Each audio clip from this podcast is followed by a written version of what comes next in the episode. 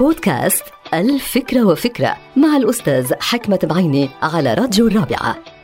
من المهم جدا أن يتمتع الإنسان بثقة الناس ومحبة الناس.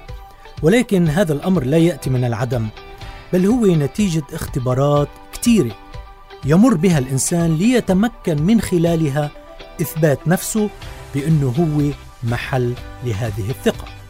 فما هي تلك الاختبارات والتجارب؟ هي مجموعة مواقف ومهمات وسلوكيات وتصرفات تثبت في نهاية الأمر أنه أنت محل للثقة. مثلا أن تكتم سرا لأحد الأصدقاء أو أن تنجز عملا بالكامل لمديرك أو أن تسهر الليالي لتسلم مشروعا لأحد العملاء احتراما لوعد قطعته أو فترة زمنية التزمت بها.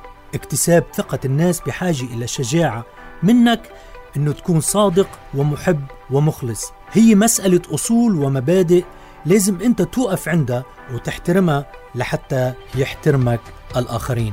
الأمانة مثلا الإخلاص الوفاء الالتزام الشجاعة والعدل في المواقف كلهم هودي جزء لا يتجزأ من عملية اكتساب الثقة. الناس بتحتاج إلى رمز من رموز الأخلاق الحميدة خليهم يشعروا بالثقة.